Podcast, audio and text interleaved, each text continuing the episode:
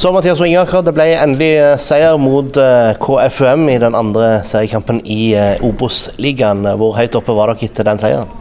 Ja, det smakte godt, det. Det, det gjorde det. Men vi burde jo fått kanskje litt mer ut av den kampen eh, enn det vi gjorde. Eh, det er et lag vi skal egentlig dominere mot. Eh, følte ikke vi gjorde det. i, Eh, ja, vi gjorde det til dels i eh, kampen, men eh, jeg følte vi burde gjort det hele kampen. Men, men sånn er det. det. Det, blir mye tøffe kamper i Obos. Men vi lærer oss til å vinne, vinne kamper, og det, det, er det viktigste.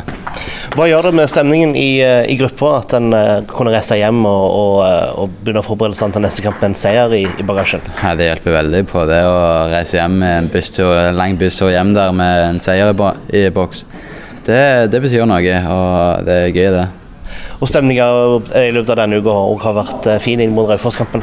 Ja, stemninga var veldig fin. Eh, det har han. Så eh, gutta er fokusert og er klare til å gjøre en veldig god jobb mot Raufoss nå. Ja, for Raufoss, hva, hva tenker dere om den kampen der? Nei, det er absolutt en kamp vi skal ut og dominere. Og, og vise, vise, fansen hvor god angrepsfotball vi kan egentlig få til. Og det er så, som det, det som er målet, å skåre en del mål òg, eh, spesielt. Eh, vi har ikke gjort det så mye i det siste, så få noen mål, det er viktig.